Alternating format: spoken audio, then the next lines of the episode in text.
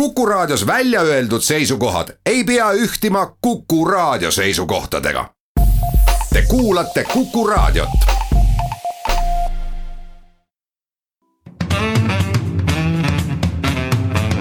muuli ja Riikoja tere päevast, head kuulajad, kell on kohe kaheksa minutit üle üheteistkümne, et on reedene päev, siis stuudios on Kalle Muuli ja Indrek Riikoja tere päevast. alustame tänast saadet äh, riigieelarvega, kolmapäeval andis valitsus kahe tuhande kahekümnenda aasta riigieelarve eelnõu äh, riigikogule üle, räägime kindlasti, kindlasti sellest, Kalle lubas, et ta demagoogitsema ei hakka. teiseks räägime kauaaegse Danske panga endise juhi Aivar Rehe surmast ja politsei tegevusest seoses sellega. räägime ka Aidu tuulepargi temaatikast, nimelt on perekond Sõnajalad esitanud riigi vastu enam kui saja kahekümne miljoni eurose hüvitise nõude. loodetavasti on täna meil see ajalooline saade, kus me viimast korda räägime ka Tallinna Televisioonist. kindlasti mitte, me jõuame sellest rääkida, aga on siis eile teatas Tallinna linnapea, et Tallinna Televisioon pannakse kinni ja nõukogu ütles, et äh, las ta siis olla nii. ja saate lõpetuseks räägime sellest, kas siis maksta trahvi või pigem istuda. muuli ja Riikoja riigieelarvest siis räägime, katsume nii-öelda olla tasakaalukad, objektiivsed ja rääkida asjadest nii, nagu nad on. nii et, nagu riigieelarve on tasakaalus. just, et eh, tasakaalukalt ja objektiivselt, mitte poliitikule kohaselt eh,. kuidas siis öelda, nii-öelda nagu üle pingutades ja värvi lisades, et kui numbritele otsa vaadata, siis eh, järgmise aasta riigieelarve kulude maht on üksteist koma kuus miljardit eurot ja tulude maht on üksteist koma kaheksa miljardit eurot. ehk siis nominaalselt on eelarves tasakaalus, aga struktuurselt on ta puudujäägis null koma seitse protsenti, vahe siis väga lihtsustatult öeldes on see, et nominaalne on siis, et kui palju tuleb raha sisse ja kui palju läheb, läheb raha välja. struktuurse puhul arvestatakse nii-öelda tuludest maha ka erakorralised tulud ehk mitte sellised nii-öelda noh, iga, alati laekuvad maksutulud ja asjad, vaid sinna on pandud ka mingisugused ühekordsed. lisaks on, arvestatakse veel natuke ka majandustsüklit, mis ja, ja lõpuks tuleb välja selline asi, et igaüks näeb seda struktuurset tasakaalu erinevalt, sõltub sellest, kas. kes asub Brüsselis, kes asub Talli-, Tallinnas ja Tallinnas ka, kui sa asud rahandusministeeriumis, siis see nägemus on natuke ühtmoodi ja Eesti Pangas jälle teistmoodi. ja Keskerakonna peakontoris kolmandat moodi.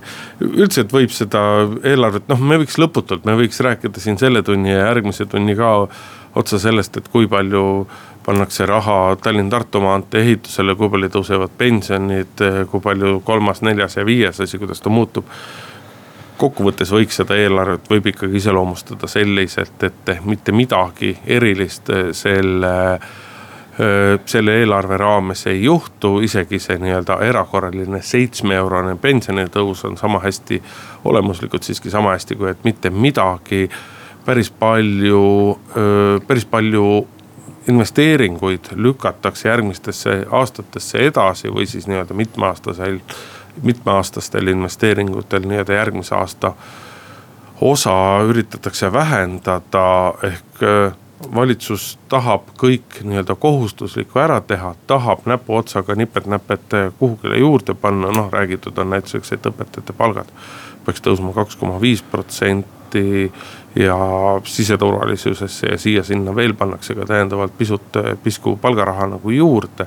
aga tegelikult mingisugust arvestatavat kasvu, midagi erilist selles äh, eelarves ei ole ja alati eelarvest rääkides tuleb tegelikult silmas pidada seda, et äh, no võib öelda et, et üheksakümmend viis protsenti, protsent, protsent siia-sinna riigieelarve rahast on tegelikult juba ette ära jaotatud, sellepärast et meil on teada, kui palju pensionid on, kui palju peavad pensionid tõus-, tõusma, meil on teada, palju riigil on erinevates kohtades teenistujaid, palju palju peab neile maksma, mis on toetused, asjad. ehk see mänguruum, millega iga valitsus saab riigieelarvest tegelikult mängida ja justkui oma prioriteete siis nii-öelda rohkem rõhutada. Ja mitte prioriteetseid asju maha tõmmata, on tegelikult väga väike ja see paistab sellest eelarvest väga selgelt välja. jah, ma arvan, et selle eelarve kõige, kui räägime negatiivsetest asjadest või, või sellisest kurvemast poolest ongi see, et tegelikult jäi aega natuke väheks ja ei jõutud ära teha seda riigieelarve revisjoni, mis oli plaanis. ja mis nüüd tehakse järgmisel aastal et see on väga põhjalik töö, see nõuab mitu kuud suurte jõududega rapsimist. et see tegelikult annakski selle mänguruumi, mida sa ütled, et ei ole. et kui tõesti võtta lihtsalt vana eelarve ette ja nihutada seal natuke numbreid, siis tõesti on, on see, see, see võimalus, et midagi teha ma arvan, et need võimalused kasutati maksimaalselt ära siin investeeringuid tõstes ja, ja edasi lükates. aga, aga mul nagu kõige, kõige suurem nagu kahju ongi sellest, et, et ei jõutud seda eelarvet noh, nullini või luuni välja võtta. ja, ja hakata uuesti üles ehitama, et see erakorraline riigi või riigieelarve revisjon, mis oli plaanis, see tuleb alles järgmisel aastal ja ma arvan, et siis võime loota ka natuke mingisuguseid põhjalikumaid kohendamisi, et sellest, sellest on kahju. no kui sa räägid sellest negatiivsetest asjadest, siis vaieldamatult kõige negatiivsem selle eelarve juures on see et see eelarve teeb suhteliselt vähe selle nimel, et äh, kui mitte ületuleval aastal, siis kahe, kolme, nelja, viie aasta pärast, kümne aasta pärast oleks meil võimalus ka ilma maksutõ-, maksutõusudeta riigieelarvesse rohkem raha saada. ehk me räägime sellist, sellistest asjadest nagu näiteks teadusarenduse rahastamine. ehk need asjad, mis meile võiksid tulevikus tuua täiendavat efektiivsust, täiendavaid tulusid ja nii edasi no,. Nende kulutuste tõstmisega see riigieelarve ei tegele ja see on nii-öelda kõige, ta on tehtud, ta on tehtud väga selgelt ühes üheks aastaks, ühes aastas. seal ei ole nii-öelda tulevikuvisiooni, seal selles eelarves ei ole mõeldud tulevikule, on mõeldud, kuidas me siin ja praegu saaksime enam-vähem hakkama. ma võin sinuga nõustuda nii palju, et seda võib-olla on vähe et äh, tahaks rohkem, aga, aga kui sa ütled, et üldse ei ole, siis see on vale, et tegelikult te.... jah, see null koma kolm protsendipunkti, äh, mis teadusrahastus äh, suhtena SKP-sse nagu tõuseb, mis kas siis rahaliselt oli, kas oli viis miljonit või? ma nüüd võin eksida numbriga. et, et.... no ütleme, et kogu enam kui kahesaja euro juures, vabandust, enam kui kahesaja miljoni, ligi kolmesaja miljoni euro juures on see ikkagi täiesti pisku, mis ei kata õigupoolest isegi mitte ülikoolide nii-öelda loomulikku palgafondi kasvu kasvu vajadust ära. ja ka niiviisi üksikute arvude kaupa nokkides ma arvan, et me ei saa nagu. aga sealt tulebki tervik kokku si, kui ikkagi igal pool on. räägimegi ainult... tervikust, et see, mis tehti tegelikult ju, kui hästi üldiselt võtta ja hästi üldistatult võtta. oli see, et me väga palju oleme rääkinud, et ei peaks enam betooni eh, investeerima, peaks inimestesse investeerima.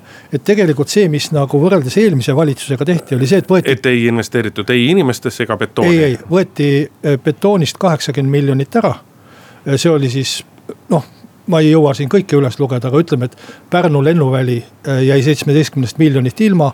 Urve Palo korterid millele ma ka ei oleks raha andnud, jäid ilma, ma ei mäleta. oota, eelmises valitsuskoalitsioonis minu arust olid isegi riigikogus ja hääletasid poolt sellele, kui ei, plaanite neid ei, riigipindu ehitama hakata, kas ei olnud mitte niimoodi? poolt või? ma ei ole hääletanud, aga. no igal juhul sa tõesti, olid koalitsioonis ja toetasid seda plaani, mul on nagu meeles niimoodi. eks aastaid on mööda ka juba läinud. et sotsid sur, surusid igasuguseid makse, igasuguseid rumalusi läbi, mille me nüüd maha tõmbame. ja aga, millele te alla, Kalle, millele te alla kirjutasite, oleme ikka ka lihtsalt täpsed. et et, et tegelikult äh, neid rahasid ju ei kulutata, me tõmbasime nad maha. et, äh, et see kõik jäi olemata, noh päris palju betooni, äh, kokku kaheksakümne miljoni ulatuses umbes.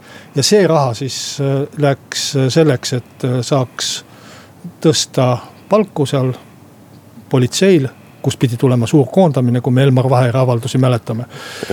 no nüüd sa muidugi jälle teed Elmar Vaheri liiga, et Elmar Vaherile mäletatavasti anti käsk kätte, et, et sa pead kärpima, kärbi kulutusi. ainult talle anti, ainult talle anti. ei, mitte ainult talle, vaid ka teistele, ka, ka teistele siseministeeriumi haldusala.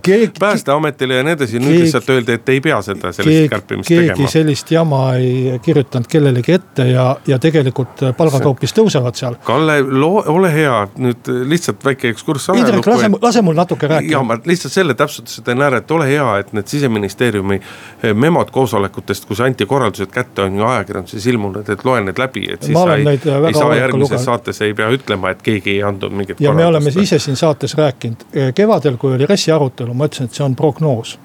see ei ole raha, raha selgub siis, kui tuleb riigieelarve ja raha selguski siis, kui tuleb riigieelarve. suunised riigiasutuse juhtidele anti sellest hoolimata kätte ja kirjutati neile ka suunisena, et te peate ka kärpeplaanid ära tegema. suunised olid, et te peate plaanid tegema, aga suunis ei olnud, et te peate koondama ja selles oligi vahe. siseministeeriumis, siseministeeriumi nendes memodes tule, on ju selgelt kirjas, et tuleb kõiki kõikides valdkondades kulusid kokku hoida, mis tähendab ka, ka tööjõutulu eh, kuludest tuleb kokku, aga okei okay,, me ei pidanud sellest ära, rääkima. ära demagoogitse. ei, ma ei demagoogitse. sa saad ju on... väga hästi aru, et üks asi on plaani tegemine.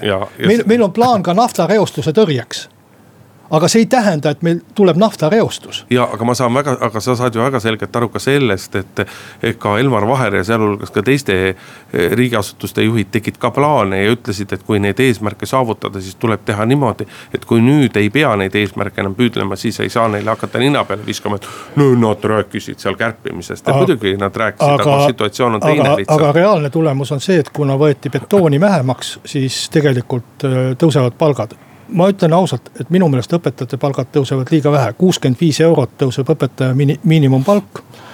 Äh, ja, ja, ja tõesti eelmiste, eelmistel aastatel paaril-kolmel on saadud äh, iga aasta saja euro võrra tõst-, tõusta.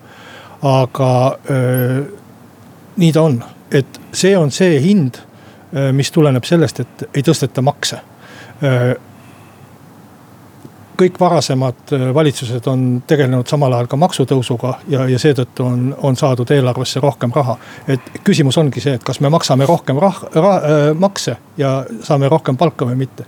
aga ma ütlen lõpuks äh, võib-olla veidi irooniliselt või, või muigamisi ka selle pensionitõusu kohta. nelikümmend viis eurot on viimase kaheteist aasta suurim tõus ja tõsi on ka see, et ükski varasem valitsus ei ole indeksile mitte sentigi juurde pannud, et nüüd et nüüd pandi seitse eurot nüüd juurde. nüüd pandi seitse eurot juurde ja selle eest saab siis kõvasti kriitikat. aga mis ma tahan ütelda, et Keskerakonnale on ette heidetud, et nad ei ole täitnud oma valimislubadust ja see on õige etteheide. aga mind ei huvita üldse Keskerakonna valimislubadust, mina ei ole nende valija, eks nad ise oma valijatega klaarivad. mind huvitavad näiteks Isamaa liikmena Isamaa valimislubadused ja ma võiksin ütelda, et Isamaa täitis oma valimislubaduse kuhjaga, sellepärast et Isamaa lubas tõsta pensionit indeksi võrra, aga tõstsime seitse eurot rohkem. noh jah, ütleme, see seitse eurot, sellest on palju räägitud, Keskerakonnale ei heideta ette mitte seitsme eurost nii-öelda täiendavat pensionitõusu, vaid seda, et, et lubati sada eurot tõsta täiendavalt, aga. tõsteti nelikümmend viis. kuigi ka seal, et kui programmis vaadata, siis räägitakse ka, ka seal ikkagi nii-öelda ei välista. ütleme, et ei ole see nii selgelt öeldud, et see sada tuleb lisaks sellele nii-öelda indekseerimise Eks... läbi tulevale pensionile tõusule. see seitse eurot lihtsalt on noh, jah, tore on. kõigi nende numbrite kohta saab öelda, Jüri Ratase kõne parlamendis oli ka, et tegemist on ajaloo suurima eelarvega, tegemist on ajaloo suurima pensionitõusu ja kõige ja nii edasi, nii edasi, nii edasi. et ütleme, et meie majanduskasv majandusolukorda vaadates oleks ikka puhta pentsik, kui eelarve ja, ja selle kulutused järjest ei kasvaks, aga ei ole kindlasti selles eelarves midagi sellist, mille pärast vastu rinda taguda ja öelda, et me oleme teinud midagi enneolematut, et seda kahjuks olnud ei ole. muuli ja Riikoja. Jätkame saadet äh, Indrek Riikoja, Kalle Muuli stuudios. Äh, lõppeval nädalal siis äh, selgus pärast äh, mitmepäevast otsingut, et meie seast on lahkunud endine Danske panga kauaaegne juht Aivar Rehe no aus oleks võib-olla siiski öelda, et endine väga mitmete pankade tippjuht ja ka no. kõrgetes riigiametites olnud jah, aga tema nagu kõige pikaaegsem ja, ja töökoht oli Danske pangas. aga äh, avaldades lähedastele kaastunnet ja võib-olla tahtmata selle loo detailidesse väga süüvida, pean ma küll ütlema, et mind hämmastab politsei äh, väga halb tegevus selle nii otsingute ajal kui ka praegu, kui politsei on teatanud, et nad ei uuri midagi. Äh, otsingute puhul ja kuna Aivar Rehe oli Danske panga juht kaua aega ja teda on ka või temaga on vesteldud äh, ka seoses äh, Danske panga paljude töötajate vastu algatatud kriminaalasjaga seoses, äh, seoses rahapesuga, mis Danske pangas aset leidis. et, et sellisel puhul, kui inimene läheb kaduma, politsei isegi ei vaata läbi tema sidevahendeid kas keegi ähvardas teda, kas keegi avaldas talle mingit survet, kas, kas mis iganes asju. et, et mis võisid tema nagu kadumisele eelneda. ja, ja täpselt samuti praegu, kui on teada, et, et ta on surnud. Lihtsalt teatatakse, et, et me ei uuri seda asja kas, kas tõesti keegi kallutas inimest, kas keegi mõjutas teda. kõik need asjad vajaksid ju läbiuurimist, kaasa arvatud see, kuidas ta sai olla kolm päeva äh, koduaias, nii et. või vaba, vabandust, kaks päeva koduaias, nii et äh, ei tema ega tema lähedased ega, ega politsei ega keegi ei, ei leidnud, rääkimata sellest, et majas olid koerad ja nii edasi. et, et, et kõik see noh tõepoolest, pärast ütlemegi, et ongi mingi süvariik. et minu meelest peaks kõik need asjad ikkagi läbi uurima. See, see ei pea olema mingisugune selline avalikkuse ees pulkadeks kiskumine, aga meil võiks olla kindlus, et uurimisorganid on veendunud, et kõik, kõik ongi nii, nagu ta paistab või nagu praegu öeldakse, et muidu tekib meil jälle mingisugune uus vandenõuteooriate hulk sellest, et mis kõik juhtus ja mis, mis kõik võis olla, et äh, minu meelest nagu politsei tegevus ei ole siin äh, ei kannata mitte vähimatki kriitikat alates esimesest päevast kuni siiamaani välja. ühiskonna ja, ja, ja ühiskonna osana ka ajakirjandus kindlasti ka selle juhtumi näitel võiks nii-öelda tõsiselt mõelda ka selle üle, et kuidas, et kuidas on kuidas käitutakse inimestega, kelle tegemistest päris täpselt midagi ei teata, kes justkui on seotud mingisuguste mingisuguste skandaalide, võimalike kuritegude või millega iganes, et viimane aasta oli Aivar Rehel kahtlemata väga raske, ma usun, et eks ta otsis abi ka tohtrite käest ja kindlasti aitas ennast igapäevaselt võib-olla mõne nii-öelda medikamendiga turgutada ka ja eks seegi võis tema nii-öelda käitumisele ja otsustele mõju avaldada, aga ajakirjandus tegelikult Danske panga rahapesu juhtumi eest on Aivar Rehe risti löönud juba. samas prokuratuur on kinnitanud, et teda ei kahtlustata milleski ja teda pole ka tunnistajana üle kuulatud, temaga on lihtsalt nagu vesteldud. Ajakirjandus valis ta ju ka eelmise aasta ajakirjandusvaenlaseks, sellepärast et ta ei rääkinud ajakirjandusega, keegi ei pea ajakirjandusega rääkima. ma nüüd ei taha öelda, et ajakirjandus on süüdi, kindlasti mitte seda või et ühiskond on süüdi, kindlasti mitte seda. aga selliste traagiliste äh, juhtumite taustal kindlasti alasti tasub mõelda, kuidas kajastatakse, kuidas suhtutakse, mida räägitakse olukorras, kus tegelikult nii-öelda spekulatsioone on kordades rohkem kui kindlaid faktiteadmisi. no ma arvan, et need spekulatsioonid jätkuvadki, kui politsei äh, teatab, et äh, meil ei ole mitte midagi uurida ja meil ei ole vaja mitte midagi kindlaks teha. igal juhul on, on, on tegemist kahtlemata väga sandi, inimlikult väga sandi looga ja väga kurva looga, et see asi nii läks, aga õppida tasub sellest kindlasti kõigil. siin teeme väikse pausi, kuulame pool tunni uudised ära ja lähme siis saatega edasi Muuli ja Riikoja. Läheme oma saatega edasi, stuudios jätkuvalt Indrek Riikoja ja Kalle Muuli. räägime Aidu tuulepargist, nimelt selle arendajad, vennad Sõnajalad siis ja, ja nende, nende ettevõte esitasid riigile Aidu tuulepargi kohta kahjunõude, mis on kogusummas sada kakskümmend kolm miljonit kuussada üheksakümmend kaheksa tuhat viiskümmend kaks eurot, kui päris täpne olla. ja ma ei oska seda asja nagu kuidagi teistmoodi kokku võtta, et see on üks sihuke naljanõue. noh. räägi nüüd sinule, sinu kallile tööandjale see nõue esitatud, millal te ära maksate? tõsi see on, et selline nõue laekus eriti tore on nagu mulle, vabandust, võtan sult sõna ära. et eh, mulle muidugi see on nagu väga kõnekas eh, on see kahjunõue, mis on ka nagu avalikkuseni ju tegelikult ju täiesti jõudnud ja selle eh, tekst, et see on nagu selline nii-öelda sihuke, sihuke üheksakümnendate see on sihuke üheksakümnendate nagu räkiti kiri, et makske meile nüüd üle saja kahekümne miljoni aga vaadake, kui te annate meile nüüd, annate meile selle krundi ja veel selle asja ja veel selle asja. no siis me võime mõelda, et võib-olla me natuke võtame mõned miljonid. tõesti, see, see, see kiri ei lõpe miljonitega, vaid sellega, et äh, kuulge, parem andke meile üks tuulepark, mida me sealt ja. Äh, tahame natukene arendada. minul on palju aga, parem aga..., minul on sõnajalgadel palju parem ettepanek, et võib-olla tegelikult, kui nagu seda raha mahtu vaata. võib-olla võiks riigi käest paluda näiteks ühte mõnda väiksemat maakonda, et antakse maakond mingi mingiks, ma ei tea, kümneks aastaks või viieteistkümneks aastaks või kahekümne, kahekümneks aastaks. et annaks selle maakonna sõnajalgade majandada, et kõik tulud sellest maakonnast tulevad sõnajalgadele ja siis nad ise vaatavad, mis nad seal maakonnas vahepeal toimetavad. et ma olen, ma olen sinuga päri selles, et see meenutab väga selliseid väljapressimiskirju ja räkitikirju ja. ja Sõnajalad äh, või, või nende ettevõte ju tegeleb äh, samasuguse asjaga ka äh, noh ka sellega, kui ta nõuab justiitsministeeriumi käest kohtukulusid juba teist korda ähvardavas toonis nii, et selle kohtukulude tasumise tähtaeg ei ole veel kätte jõudnud. kohtukulude tasumise tähtaeg on kümnendal oktoobril, aga justiitsministeerium on saanud juba kaks ähvarduskirja, et makske kohe ära. täna saabus kiri, et makske täna kella viieteistkümneks ära.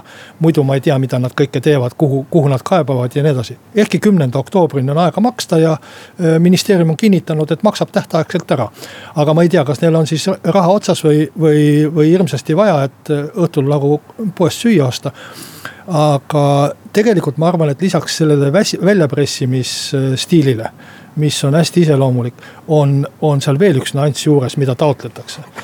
vaata, kui EKRE ei taha reklaamile äh, raha panustada, siis ta teeb mingeid käemärke või, või ütleb mingeid sõnu, mille kohta ta teab, et ajakirjandus kindlasti teeb sellest pealkirja. et ma arvan, et kui sa kirjutad äh, rahanõude justiitsministeeriumile et Kuku raadio nõuab justiitsministeeriumilt sada kakskümmend neli miljonit äh, viivistasusid ja ma ei tea, mis asju. et siis sa oled üsna kindel, et sa saad ka pealkirja ajalehte, et sa seda nõuad.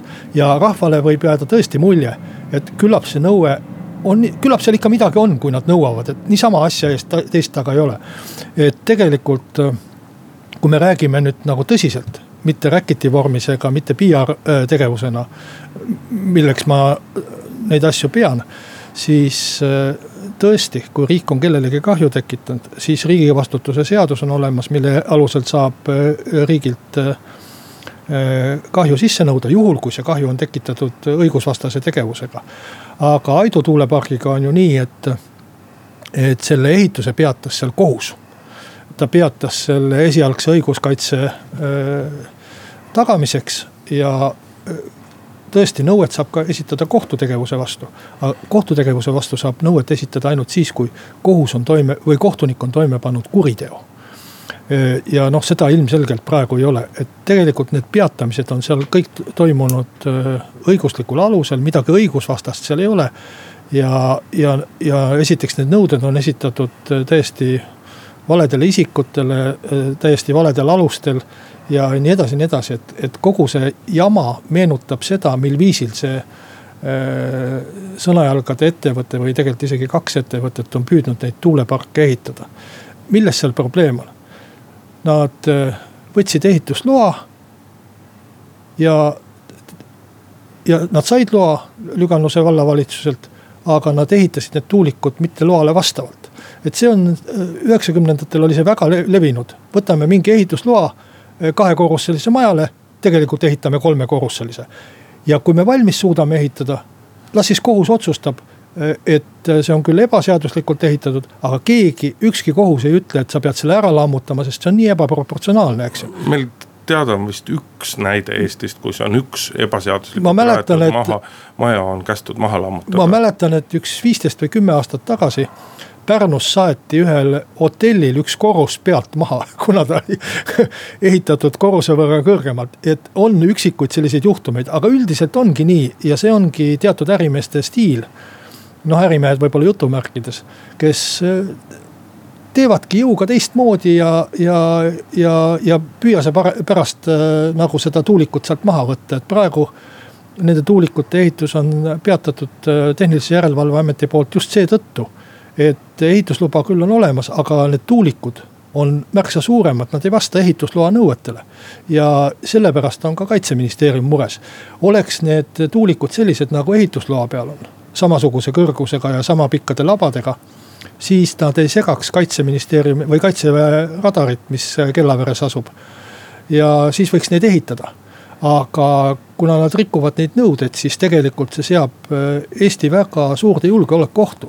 et äh, me ei saa oma riiki rünnaku korral õigeaegselt val, äh, valmis seada, me ei saa mehi mobiliseerida ja, ja taevas teab, milliseid kahjusid me kanname inimeludes. kui, kui see kõik läbi läheks, nii nagu nad tahavad teha. et sellepärast veel sinna juurde sellist räkitit ja, ja väljapressimist ja mingit PR tegevust arendada et äh, minu meelest see on ikka era, erakordselt selline jõhker ja, ja, ja vastutustundetu. ma tahaks korra siiski veel tulla ka selle nii-öelda nõudekirja juurde tagasi, et ühest küljest on nii-öelda pikk, kas vist kolmeleheküljeline nõudekiri, aga sinna juurde on lisatud ka kalkulatsioon et millest siis see sada kakskümmend kolm, noh ümmarguselt koma seitse miljonit eurot koosneb ja siin on, jah, siin on terve ports äh, Unicredit liisingu intressid, siin on hoonestusõiguse tasud, siin on siin on veel energiaagentuuri intressid, erinevaid intressi, aga siis on jah, nii-öelda kakskümmend, sada kakskümmend üks miljonit kopikatega on siis nii-öelda viivised.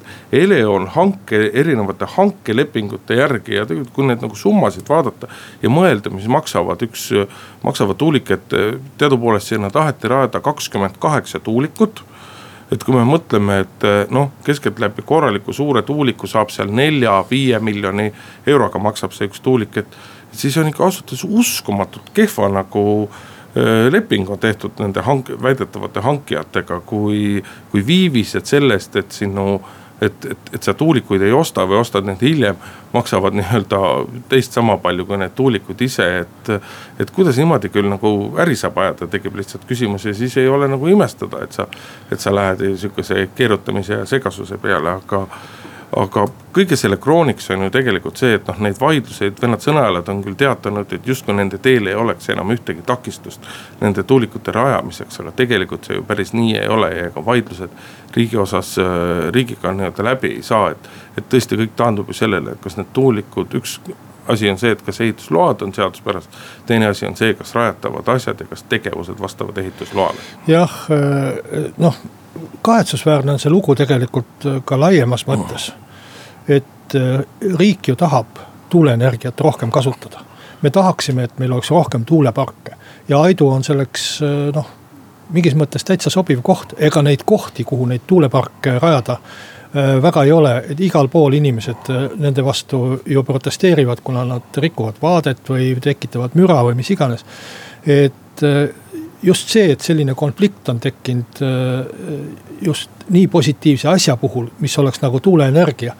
ja, ja, ja veel, veel ka julgeolekuasutuste vahel ja Eesti julgeoleku vahel, et see on, see on nii kahetsusväärne. konflikt ei ole tekkinud siiski mitte tuuleenergia pärast või tuuleenergia ümber, vaid raha pärast ja raha ümber. jah, et kindlasti riik saaks teatud aja pärast ja teatud kulutustega tekitada endale sellise radarivõimekuse ka, mis isegi võimaldaks neid kõrgemaid radar, eh, kõrgemaid tuulikuid sinna panna. aga selleks kulub aega ja selleks on vaja head tahet ja selleks on vaja raha. ja seda ei saa lahendada niiviisi eh, väljapressimiskirjade viisil, et seda peab lahendama koostöös. ja, ja noh, täiesti võimatu on teha koostööd inimestega, kes, kes nii käituvad. muuli ja Riikoja jätkame saadet Indrek Riiko ja Kalle Muuli. no tundub nii, et äh, pean vist äh, kiirustama Tallinna Televisiooni vaatama, sellepärast et muidu jääbki mul nägemata. sellest televisioonist pole ühtegi saadet seni näinud, nii et. kas sa ei ole kordagi vaadanud Tallinna Televisiooni või? Äh, võin sulle ütelda, et kaks korda vist elu jooksul on kogemata klõpsides, kanaleid klõpsides olen vist sattunud selle asja peale. ma olen oletanud, et see on Tallinna Televisioon, aga noh, vist ma arvan, et üle, üle viieteistkümne sekundi järjest ei ole vaadanud, sest äh, ma ei tea, mul on, äh, ma olen niigi väga väike televaataja, mingit põhimõttelist protesti mul selle vastu ei ole olnud, aga, aga kuidagi on elu läinud niiviisi, et kõike ei jõua ju vaadata. esimene oktoober on siis viimane päev, mis pannakse kinni. minu kommentaar on see, mis mul on olnud äh, Tallinna linnapea Mihhail Kõlvarti viimastele või otsustele kogu aeg. üks õige otsus teise järele, et äh, ka see, et selle Tallinna Televisiooni asemel tehakse produktsioonifirma, no ma ei tea, kas selleks peaks kuluma just äh, pool Tallinna Televisiooni eelarvest. no ootame ootame, kas seda ikka üldse tehakse. aga, aga, aga põhimõtteliselt see, et äh, linn, linnal on paar kaamerameest, kes võib-olla mingi linna, linna asju ja linnaisade seisukohti üles võtavad ja, ja kuskile. Ma ei tea siis, kas portaali või, või või mõnda teise kanalisse äh, saadavad. et see on täitsa mõistetav, et linn peab oma asju tutvustama ja, ja elanikke informeerima. aga, aga see, et pannakse kinni äh, selline mõttetu raha raiskav kanal, on minu meelest jumalast õige otsus ja mis ma tahan veel ütelda Keskerakond muutub ja Tallinnas kaovad kõik need asjad ära, mis eh, Edgar Savisaare ajal on tehtud. no Mupo vast ei kao, sellel on oma mõte. aga kuskile Lasnamäele on jäänud vist veel Lipo, mis on linnapood. aga pank on kadunud, televisioon kaob ja muud kõik regaalid, mida, mida suur isevalitseja Edgar Savisaar tahtis Tallinnas endale riik riigis ehitada likvideeritakse tasapisi aja jooksul ära. endine keskerakondlane, praegune ekrelane Peeter Ernits nimetas eile Tallinna TV sulgemist täielikuks idiootsuseks. noh, eks tal on väike kibestumus, et ta ise oma saates seal ilma jäi, aga põhjendas ta seda sellega, et sellel on nii tohutult palju vaatajaid, aga Peetrile peaks siiski nagu telestatistikat tutvustama, et kõige suurem põhjus Tallinna Televisiooni sulgemiseks ei olegi mitte nii väga see, et, et kui palju seal tehakse või ei tehta propagandat, vaid ikkagi see, et et kulutatakse ligi viis miljonit eurot aastas, aga seda tõesti ei vaata selle raha eest sisuliselt mitte keegi, et need vaatajanumbrid on lihtsalt niivõrd väikesed. et sellepärast ei ole mõtet teda, ei ole mõtet teda nagu pidada, linnal ei ole vaja telekanalit, linnal ei ole vaja, Tallinna linnal ei ole oma asjade tutvustamiseks vaja üleriigilist eh, telekanalit. ma olen lugenud, et mõni inimene ütleb, et seal on häid saateid olnud, täitsa võimalik. kahtlemata, aga kui need saated on tõesti head, siis ma usun, et võtavad teised kanalid need saated ka üle üle. et küsimus ongi, et, et, et maksumaksja raha eest ju võib igasuguseid häid asju teha ja, ja võib ka häid telesaateid teha aga kas seda peab tegema, et maksuraha peaks ikka kulutama nendele asjadele, mis nagu on kõigile ja, ja, ja, ja kõigile maksumaksjatele või siis mingisugustele väga olulistele gruppidele olulised ja mida mitte kuidagi teisiti ei saa teha, mida eraettevõtted ei saa teha, aga no televisiooni meil ikka erakätes ka osatakse teha. mina muidugi ise arvan, et Meer Kõlvarti jutt sellest, kuidas nii-öelda pool töötajatest ja pool eelarvest ehk siis väga jämedalt viisteist, circa viisteist inimest ja circa noh, ütleme kaks, kaks pool miljonit eurot, et jäetakse alles, et tehakse see produktsioonifirma, et ma pelgan ka, et see jutt on, on lihtsalt selline nii-öelda, nii-öelda pehme maandumise jutt, sest et ma ei ega linn võib ju toota igasuguseid asju, igasugust telepilti ja nii edasi, aga küsimus on jälle selle mõttekuses, et ega väga palju tegelikult neid kanaleid, kuhu siis oma toodangut müüa ei ole, et ega ei võta seda väga varmalt vastu ilma väga ränka raha maksmata ei TV3 ega Kanal kaks, noh PBK on ka veel olemas, kus linn on kus linn on nagunii veel suhteliselt aktiivne toetaja ja, ja sa võid klippe, asju veebi teha, aga kuidas inimesed need sealtki nagu üle leiavad. no ja Tallinnas on see PR-töötajate arv ka niigi kohutavalt ja, suur. see on nagunii nii suur, et, et, et väga õige on, et noh, see raha ära võtta ja suunata ta siis eh, haridusse, kultuuri, sotsiaalsfääri. ma kardan küll, et mõnda Lasnamäe vene kooli. no ütleme niimoodi, et kindlasti on rakendus parem nii linna kodaniku seisukohast kui tõenäoliselt ka Keskerakonna valimistulemust arvestades. Muuli ja Riikoja alustame siis Kalle küsimusega, et kui sa ületad kiirust, ütleme seal äh, seitseteist või kaheksateist kilomeetrit tunnis, sind ähvardab selle eest äh, noh, ütleme sihuke kuni saja eurone trahv, äh, siis kas sa pigem seisaksid tund aega maantee ääres või sa pigem maksaksid trahvi? No võib-olla see kõlab ülbelt, aga ma pigem maksaksin, no tõenäoliselt, see sõltub kindlasti asjaoludest, aga tõenäoliselt maksaksin trahvi, sest. eks sa kiirustama kipud ju siis, kui sul kiire on. ei, ma tahaksin pigem ütelda, et minu jaoks see seismine tundub selline alandav või selline. noh, selline mõttetu tegevus, aga me võiksime ju mõtelda hoopis praegu niiviisi, et, et võib-olla peaksid ka kohtunikud olema loomingulised ja. ja inimeste vangi panemise või trahvimise asemel ütelda, et võtad ahjuroobi. Põlvitad ühe põlve peale Erneste peal nurgas ja, ja, ja oled selles asendis siis näiteks neli tundi karistuseks oma kuriteo eest, et tegelikult iseenesest mulle meeldib, et politsei on natukene loominguline ja, ja nuputab. see näitab, et nad proovivad kuidagi asja parandada. Mitte ei, ei vorbi tuimalt äh, oma tööd teha ja, ja iseenesest on see vahva, aga juriidilisest küljest jätab see sellise kahtlase maigu, et, et äh, seadusi teeb ja trahve või ja karistusi öö, äh, otsustab siiski seadusandja, millised on meie karistused, kas nad on trahvid, kas nad on hoiatused, mis iganes. et päris nii, et iga täitevametnik hakkab karistust välja mõtlema, isegi siis, kui see karistatav on selle karistusega nõus, et see seismine on ju vabatahtlik. Et kui sa oled ise nõus, et isegi siis äh, tekitab see küsimuse, et kas see on päris õige, et võib-olla keegi pakuks näiteks karistuseks seda, et trahvi asemel näiteks äh, soola siis, soolvette kastetud vitstega ihunuhtlust anda näiteks tee ääres, võib-olla mõni karistatav lepiks ka sellega, et äh, karistused on kindlaks. kas soolvette kastetud sellepärast, et oleks valusam või sellepärast, et oleks nii-öelda hügieenilisem jah, see on veel omaette küsimus, aga mis ma küll selle karistuse puhul mõtlesin, mõtlesin ja mul ei õnnestunud enne, enne saadet seda välja uurida. on see, et kui sulle trahvi tehakse, siis see läheb karistusregistrisse.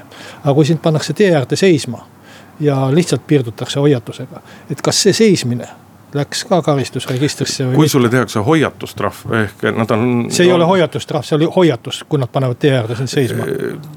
Vot ma nüüd terminoloogiliselt äh, ei ütle täpselt, mis see õige termin on, aga politsei saab sulle kiiruse ületamise eest, kui sul ei ole varasemaid karistusi all. teha ka trahvi, mis nii-öelda arvestuskaar-, ei kuulu arvestuskaardile kandmisele. nagu vanasti öeldi, samamoodi nagu kiiruskaamera trahv, mis ei lähe ju nii-öelda konkreetse juhi registrisse registrisse sisse, siis äh, et noh, need võimalused. sel, juhul on ikkagi seismisel väga suured eelised, sa oled kui sa maksad trahvi, siis sa oled aasta aega karistatud inimene ja järgmisel trahvi korral on sul äh, karistus märksa suurem. ei pruugi, vot ei pruugi olla samamoodi nagu kiiruskaamera trahv. seisad tee ääres ja sul karistusregistrisse see ei lähe, siis sa oled karistamata inimene ja nagu ei olegi seisnud. ja aga vaata, eks nad on ütelnud ka, et nad eh, nii-öelda seista lasevad, seismise võimaluse annavad ainult neile, kellele varasemaid rikkumisi all ei ole. mina olen kindel, et seadusega see vastuolus ei ole, et kõik on nii-öelda, ma ei usu, et politsei on läinud seda teed, et see on kuidagi õiguslikult, juriidiliselt ebakohane. aga mida see tegelikult näitab, on, on see, et kui me võtame oma liiklusstatistika välja, siis loomulikult iga liikluses hukkunud inimene on liiga palju, aga kui kui me võrdleme oma statistikat äh, hukkunute arvu Eesti liikluses aastas, hukkunute arvu tuhande inimese kohta ja nii edasi. siis tegelikult on teinud politsei viimase kümne-viieteist aasta jooksul väga head ja väga tõhusat tööd äh, selle nimel. nõus, nõus. et numbrid on, numbrid on läinud väga väikeseks ja et sealt nii-öelda nagu midagi muuta, siis lihtsalt traditsioonilised meetodid enam ei alga, aita, et sa võid äh, keevitada trahvid kaks korda kõrgemaks, aga see ei aita sul võidelda nii-öelda selle täiendava kiirustamise ja kõige vastu. et selles mõttes minule selline loomingulisus vastupidi meeldib, ainukes, mis nii-öelda kurvastust tekitab, et mul teadaolevalt vist ei ole ka praegu ühtegi trahvi all, et ma justkui võiksin pääseda nii-öelda. tahad proovima minna või no vot ei tahaks nagu proovima minna, aga eks ta paratamatu on, et noh, millisel juhil ei tuleks vahel ette, et ta sõidab võib-olla pisut kiiremini, mitte hullumeelselt, aga pisut kiiremini. aga sa teed, kipud seda tegema ju ikkagi siis, kui sul, kui sul häda majas on, sul on tõesti kiire ja siis nüüd olla nelikümmend viis minutit või kuuskümmend minutit tee ääres noh, see on keeruline, aga siinkohal peame tänase saate otsad kokku tõmbama, Kalle Muuli, Hindrek Riik olid stuudios, oleme liikluses ettevaatlikud ja korralikud ja kuuleme järgmine nädal jälle. muuli ja Riikoja